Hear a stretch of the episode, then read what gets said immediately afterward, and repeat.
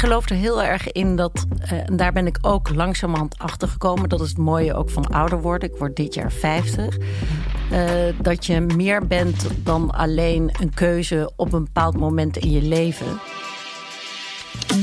Welkom bij Powercast, een podcast van Harper's Bazaar, waarin we in gesprek gaan met leiders, creatieve denkers en entrepreneurs.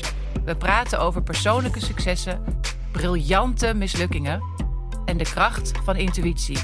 Ik ben Miluska van het Lam, hoofdredacteur van Harper's Bazaar. En ik weet zeker dat hun ervaringen jou voorzien van een flinke dosis power bij het realiseren van jouw dromen. Hendrikje Gebolde, van harte welkom op deze prachtige stoel. In een mooie bonnensuit zit jij. In een heel mooi uh, donkerblauw soort van schilderspak met een Chanel schoentje daaronder. Mooier kan mijn dag niet meer beginnen. van harte welkom. Ik ga jou eventjes introduceren. Uh, want ik wil je graag introduceren als Tatu. Uh, Swahili voor drie, verwijzend naar jullie gezin... waarin je de derde dochter bent van drie kinderen. Geboren dus in Afrika. En daarna heb je de hele wereld rondgereisd... voor jouw rechtenstudie en voor je carrière. Want je hebt behoorlijk wat jobs vervuld. En uiteindelijk kwam je gelukkig voor ons allemaal terecht in Amsterdam... waar je sinds 2017 onderdeel bent van de driekoppige directie... van het Rijksmuseum Hoesdoer. Voordat je deze rol bekleedde, heb je een paar keer flink het roer omgegooid. Met een behoorlijke dosis lef, mag ik wel zeggen. En dat lef, daar wil ik het vandaag met je over hebben. Nogmaals, welkom Hendrikje. Dank je. Zit je lekker daar, zo op die kruk? Ik zit heerlijk. En vooral in dat bonnensuit, hè, dat geeft je veel vrijheid. Je noemt het ook wel een boilersuit. Het is voor mannen en vrouwen. Ja. En ik denk dat past ook wel bij het thema lef. Ja, bij past vrouwen het? en mannen. Dus uh, Ja. heel vaak past in een pak een man en een vrouw. Ja, En het, de vorm is alleen iets anders. ja. Ja, want toen, toen ik jou binnenhaalde hier net in deze studio... toen zei je van het voelt ook bevrijdend, dit pak. Maar wat bedoel je daar precies mee? Ja, dat je gewoon vrij kan bewegen. Ja, En dat je toch jezelf kan zijn. ja, En dat, dat is gewoon een lekker gevoel. En de ene keer heb je een bonnensuit aan... en de andere keer heb je iets veel strakkers aan. Want dit zit vrij los. ja. Maar dat er altijd een moment is op een dag of eh, dagelijks... dat je kan beslissen van ik ga dit aandoen of dit past bij mijn moed. Ja, ik snap het. Ja. Hey, en wat ik ook heel leuk vind, jij gaat dus vandaag ook een beetje testen hoe jouw eh, afspraken hierop gaan reageren, toch? Ja, zeker. Ja. Dus in de volgende podcast ik- wil ik graag verslag hoe dat ging. ja, precies. Ja. Ik ben heel erg benieuwd. Maar goed, dat lef dus van jou. en, ehm, eh, hoe verzamelde je dat lef? Want je bent, hè, je hebt je advocaat. Een, een heel concreet voorbeeld, zo, om het even heel meteen praktisch te maken. Je verruilde je advocatenrol voor de kunstwereld. Dat was dat eerste roer wat je omgooide. Eh, hoe heb je dat lef verzameld om dat te doen? Wat was voor jou toen de trigger dat je dacht: ik ga echt even iets heel anders doen? Ja, ik geloof er heel erg in dat, eh, en daar ben ik ook langzamerhand achter gekomen. Dat is het mooie ook van ouder worden. Ik word dit jaar 50. Eh, dat je meer bent dan alleen een keuze op een bepaald moment in je leven. Dus ik ben zelf opgegroeid in. eh, eh, grotendeels in Limburg. En mijn ouders waren alle twee geïnteresseerd in kunst. Dus ik ging heel veel naar musea. Mijn moeder is zelf schrijfster, dus zij had daar een literair café. Dus ik groeide op in een relatief kunstzinnige omgeving. Dus Ja. het was altijd al onderdeel van mij. En toch besloot ik redelijk eigenzinnig... Mhm. als eerste in onze familie eigenlijk om rechten te gaan studeren. Ja. Dus dat was ook een aparte eh, beslissing toen. Ja. Maar blijkbaar was dat element van die kunst... is altijd wel blijven hangen. En dan op een gegeven moment, na tien jaar advocatuur... kwam dat eigenlijk ook weer zo terug. Van, goh, dat vind ik zo mooi. Ja. Toch ook wel, denk ik, die esthetiek... Ja. en die, die- ja, gewoon de schoonheid van, eh, van kunst... dat dat me heeft geholpen om, om ineens die keuze te maken. Want dat ging vrij spontaan. En het andere element ook wel belangrijk... alhoewel ik de advocatuur echt fantastisch vond... en een betere leerschool bestaat er niet. Mhm. En op zich zou ik nooit anders beslissen... dan weer rechten te gaan studeren. Nou, dat is mooi. Ja, Ja.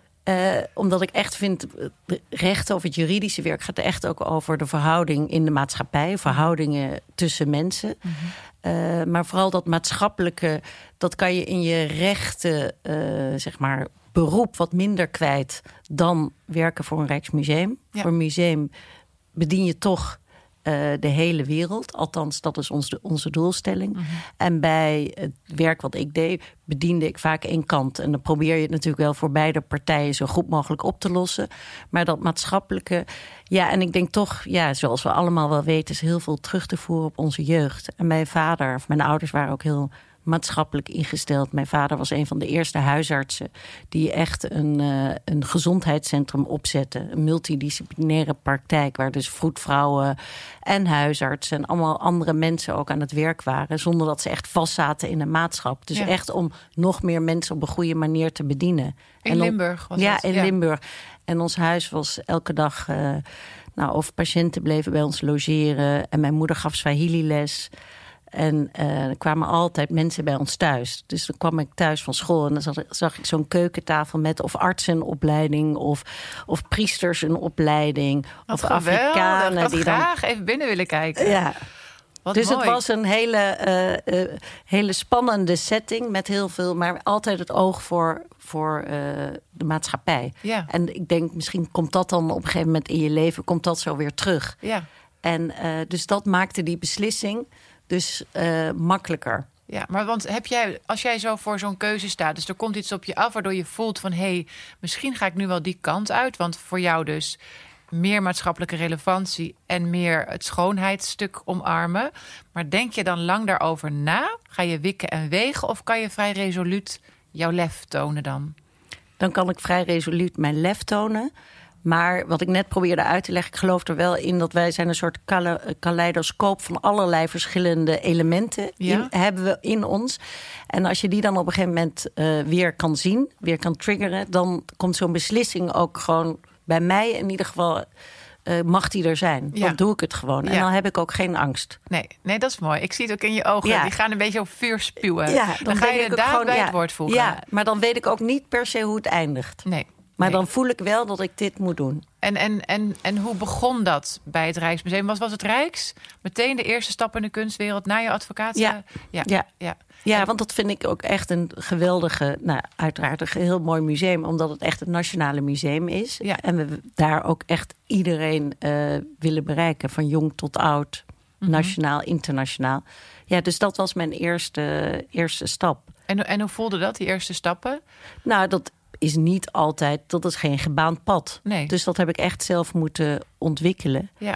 En wat zo mooi is dat je met je eerdere stappen die je in je leven hebt gezet, dat je dat allemaal meeneemt als bagage. Dus dat heb ik heel goed ook weer kunnen inzetten. Die professionaliteit die ik ook bij het advocatenkantoor had geleerd, dat kon ik daar weer inzetten. Maar allemaal met als doel mensen aan het Rijksmuseum te verbinden. En of dat nu partners, bedrijven zijn of het publiek. En eh, dat op een goede manier doen, dat was ook echt iets wat ik in de advocatuur had geleerd. Omdat je dan echt ook leert hoe je eh, klanten aan je verbindt. Ja. Dus veel meer gaan nadenken over het publiek is gewoon een klant van je. Ja. Een bedrijf is een potentiële klant. Ja. En samen kijken hoe kunnen we meerwaarde eh, creëren weer voor dat publiek. Ja, dat is wel mooi wat je zegt. Dus eigenlijk heb je geleerd uit een ander vakgebied eh, bepaalde aspecten. En dat neem je mee naar je nieuwe job. Is in dit geval het Rijksmuseum. En eh, volgens mij was jij degene die het Rijksmuseum ook heeft geïnspireerd of geleerd, hoe je welke woorden eraan wil geven, om wat meer die zakelijke kant eh, aan het Rijksmuseum te binden, zodat je een wat groter publiek kan bereiken.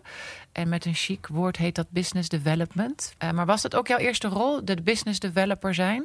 Ja, het was een combinatie van eh, mijn kennis als advocaat, dus Mhm. juridisch werk en ook business development. Dus kansen zien en kansen creëren en kijken hoe we dat kunnen ontwikkelen. Mhm. En dat is uiteindelijk wat we nu noemen development. Dus dan gaat het echt over fondsenwerving, Mhm. is dat geworden. Dus we zijn echt gaan kijken van, nou je hebt particulieren, je hebt fondsen, je hebt bedrijven. En hoe kunnen we die allemaal aan ons verbinden met een, met een verhaal? Een voorbeeld nu is bijvoorbeeld, we zijn bezig met operatie Nachtwacht. Het grote schilderij wat we aan het restaureren zijn, is natuurlijk een wereldstuk waar jaarlijks nu 2,7 miljoen mensen naar kijken. En als je kijkt waar het schilderij over gaat, dan gaat het natuurlijk over verf. Ja. Hè? We zeggen dan de power of paint. En dan ga je nadenken welk bedrijf of welke personen zouden, daar ons, eh, zouden ons daarmee kunnen helpen. En dan ga je ook zoeken naar expertise, niet alleen bij jezelf, niet bij onze eigen specialisten, maar ook bij anderen. Ja. Dus toen heeft, hebben we Axo Nobel, de verfspecialist, gevraagd: Goh, zouden jullie ons daarmee kunnen helpen?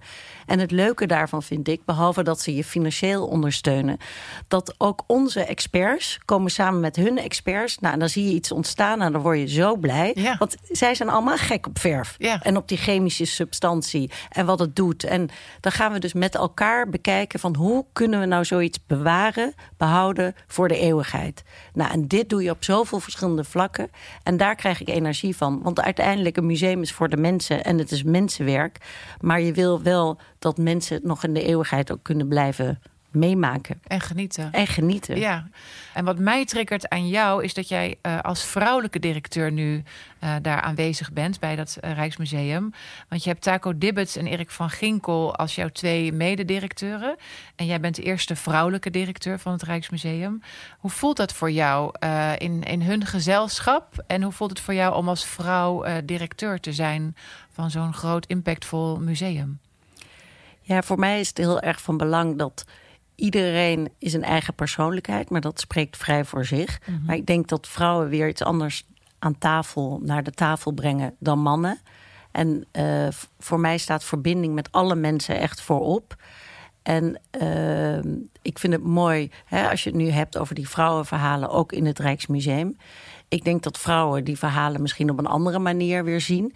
Dus hoe meer mensen van verschillende achtergronden je aan tafel hebt, hoe beter je het verhaal kan vertellen. En wij zijn er natuurlijk uiteindelijk voor het publiek.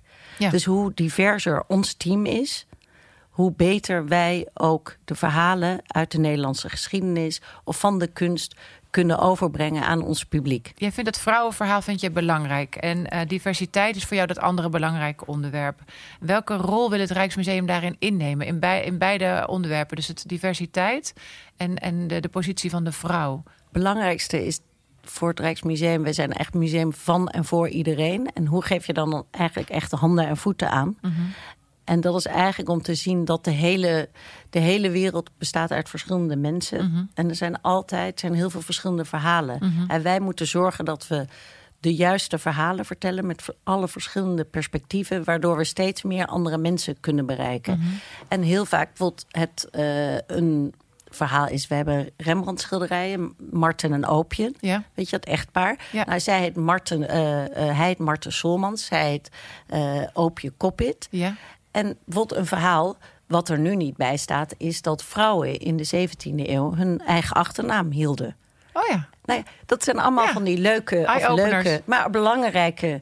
eh, nou ja, als je het zeg maar afdoet, weetjes. Maar goed, zo moet je altijd weer bezig zijn met onderzoek om elke keer weer, eh, weer nieuwe verhalen te vertellen, waardoor je een completer beeld kan geven. Ja. Lef vind ik ook het feit dat we nu eh, de toppers in het Rijksmuseum hebben gezien. En eh, Willem de Bruin, de bekende artiest. Eh, ik kan me echt goed voorstellen dat journalisten op de stoep staan om hier allerlei lelijks over te schrijven. Of dat je misschien hebt moeten knokken met je achterban. Maar hoe heb je dit toch voor elkaar gekregen? Ja, weet je wat zo mooi is? Wij willen heel veel mensen bereiken. En heel vaak denken, denken mensen van... oh ja, dit is typisch een Maar Ja. een Rijksmuseumbezoeker is alles. Dus die is topperfan of houdt van Willem of en-en... Of houdt ook van het Koninklijk Concertgebouworkest, die ook een concert geeft op de Eregalerij. Ja. En dat is zo mooi. Het moet natuurlijk wel passen, zoals Koninklijk Concertgebouworkest. Ja. De toppers zijn weer iets verrassend. Dus passend en verrassend passen eigenlijk heel goed bij elkaar. En dat vind ik, of, vind ik dus zo mooi, ook als ik naar mezelf kijk. Ja, mens bestaat uit zoveel verschillende aspecten. Ja. De ene keer hang je op de bank met popcorn Ja. in je, in je, in je boilersuit. De andere keer heb je je boilersuit op een andere manier aan. En ga je naar een, een, een geweldig feest. Ja. Dus, en dat geldt ook voor ons publiek. Ja, kan ik me goed voorstellen. Ik vind het ook een mooie les voor iedereen die een onderneming runt of op een bepaalde manier naar zijn bedrijf moet kijken. Dat als je je even je blik verandert en wat breder pakt, dat je weer nieuwe kansen kunt grijpen eigenlijk. Ja, dat je altijd open staat voor nieuwe ideeën en dat je altijd met elkaar in gesprek gaat, omdat je weet hè, dat je daar een beter persoon van bent, maar zeker een persoon waar je, waarbij je nog meer in staat bent om mensen aan je te verbinden. Ja, dan is het credo is passend en verrassend. Ja, ja die ga ik ook meenemen in mijn volgende brainstorm met de redactie. Hey, wat ik ook leuk vind, terugkomend op onze allereerste vraag, uh, of eigenlijk mijn, mijn opmerking over jouw outfit. Want daar wil ik het toch stiekem met je over hebben. Want daarin toon je ook lef. Als we jou ergens zien spreken of we hebben een meeting uh, of we zien jou verschijnen in het Rijksmuseum. Je durft best wel wat aan met mode. En je durft ook wel een statement te maken. Je volgt mode ook op de voet. Waar komt die liefde voor, voor mode en voor schoonheid vandaan? en volg je, volg, je, volg je de mode al lang op de voet? Ja, ik, inderdaad, die eerste vraag was inderdaad kunst en de esthetiek en schoonheid. Ja, dat, dat vind ik ook wel echt terug in mode. Mhm. Dus dat vind, en ik, wat ik het mooie vind aan mode of aan kleding, is dat het een expressie is van van jezelf. Ja. Ehm, ik herinner me wel thuis, ik had één rokje en dat had ik volgens mij gewoon mijn hele, elke foto zie ik een groen rokje terugkomen. Een appelgroen rokje. Ik vroeg wel eens aan mijn moeder, maar mam, waarom heb je me nooit in iets anders aangedaan? Volgens mij herkennen heel veel mensen dat gevoel. Ja, dat klopt. En uh, mijn moeder liep rond in Afrikaanse jurk of poncho's. Dat was in, uh, waar ik opgroeide, nou niet meteen zeg maar uh, helemaal zeg maar het gebruikelijke straatbeeld. Nee, zeker niet. Dus uh, daar, moest ik, wel... daar moest ik als kind wel aan wennen. Ja. Maar goed, daarna... Dan wil je eigenlijk gewoon kon... zijn zoals iedereen, maar ja, daarna kon je het waarderen. Daarna kon ik het waarderen, maar ik vond het mooi toen ik net begon te werken in de advocatuur. Toen zei mijn toenmalige baas van, goh, wil je niet een stage lopen in Parijs? Zei ik, ja, natuurlijk. Dus daar ging ik werken. En ik, ik werkte op het kantoor van uh, Christine Lagarde. Mm -hmm. Zij was ook partner in het advocatenkantoor Baker McKenzie, waar ja. ik werkte. En ik zat aan een klein rond tafeltje en ik keek zo op naar haar. Ze had een hele prachtige haardos. En altijd strak in uh, Chanel. Gewoon oh, wow. helemaal... Go helemaal Frans. Ja, ja. dus, en dat, toen dacht ik, ja, ik dacht altijd, nou ja, dat, dat, dat is echt bijna too much of zo. Maar dat vond ik fantastisch. Ja. Dus die, die, die mix van poncho en Chanel, dat is uh, wat me Dat aanspreekt. matcht jou wel, ja, toch? Dat ja, staat jou wel. Ja, dat is herkenbaar. Uh, ik vind het leuk om even af te sluiten. Wat ik zelf heel interessant vind aan, aan, aan de kunst die ik bij jou zie, in het Rijksmuseum zie, is dat je er nog steeds inspiratie uit haalt voor nu. Dus los van alle mooie verhalen en alle mooie kennis die we daarin opdoen, uh, haal je er ook echt gewoon inspiratie uit. En dat kan zijn voor je interieur, het tegeltje op de muur, maar ook voor kleding of een manier van haar dragen. Heb jij een favoriet kunstwerk in dat opzicht? Want jij bent ook zo'n modeliefhebber, waarvan je denkt van ja, nou, als ik daar naar kijk, word ik ook weer geïnspireerd voor nu.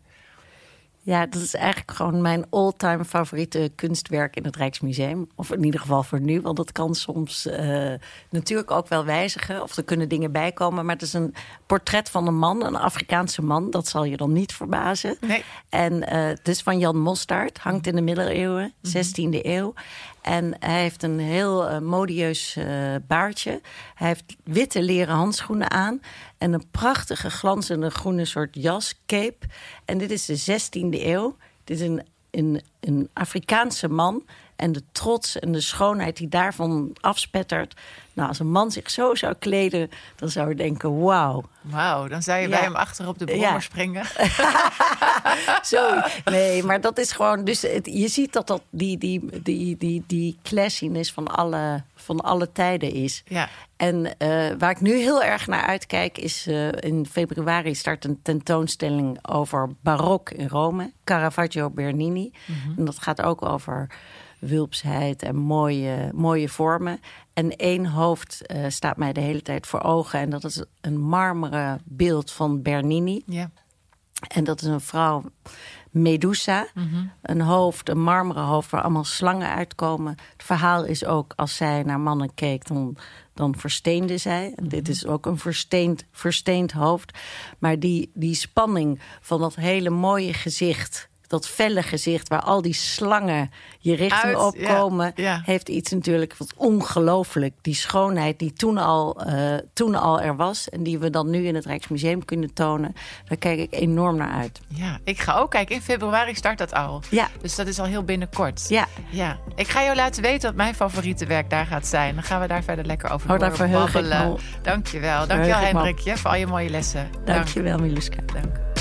Dankjewel voor het luisteren naar deze Powercast. Je kunt deze en alle andere afleveringen terugvinden in je favoriete podcast-app. Wil je altijd up-to-date blijven? Volg ons dan via het magazine, via onze site harpersbazaar.nl, onze social media kanalen of tot ziens op een van onze events.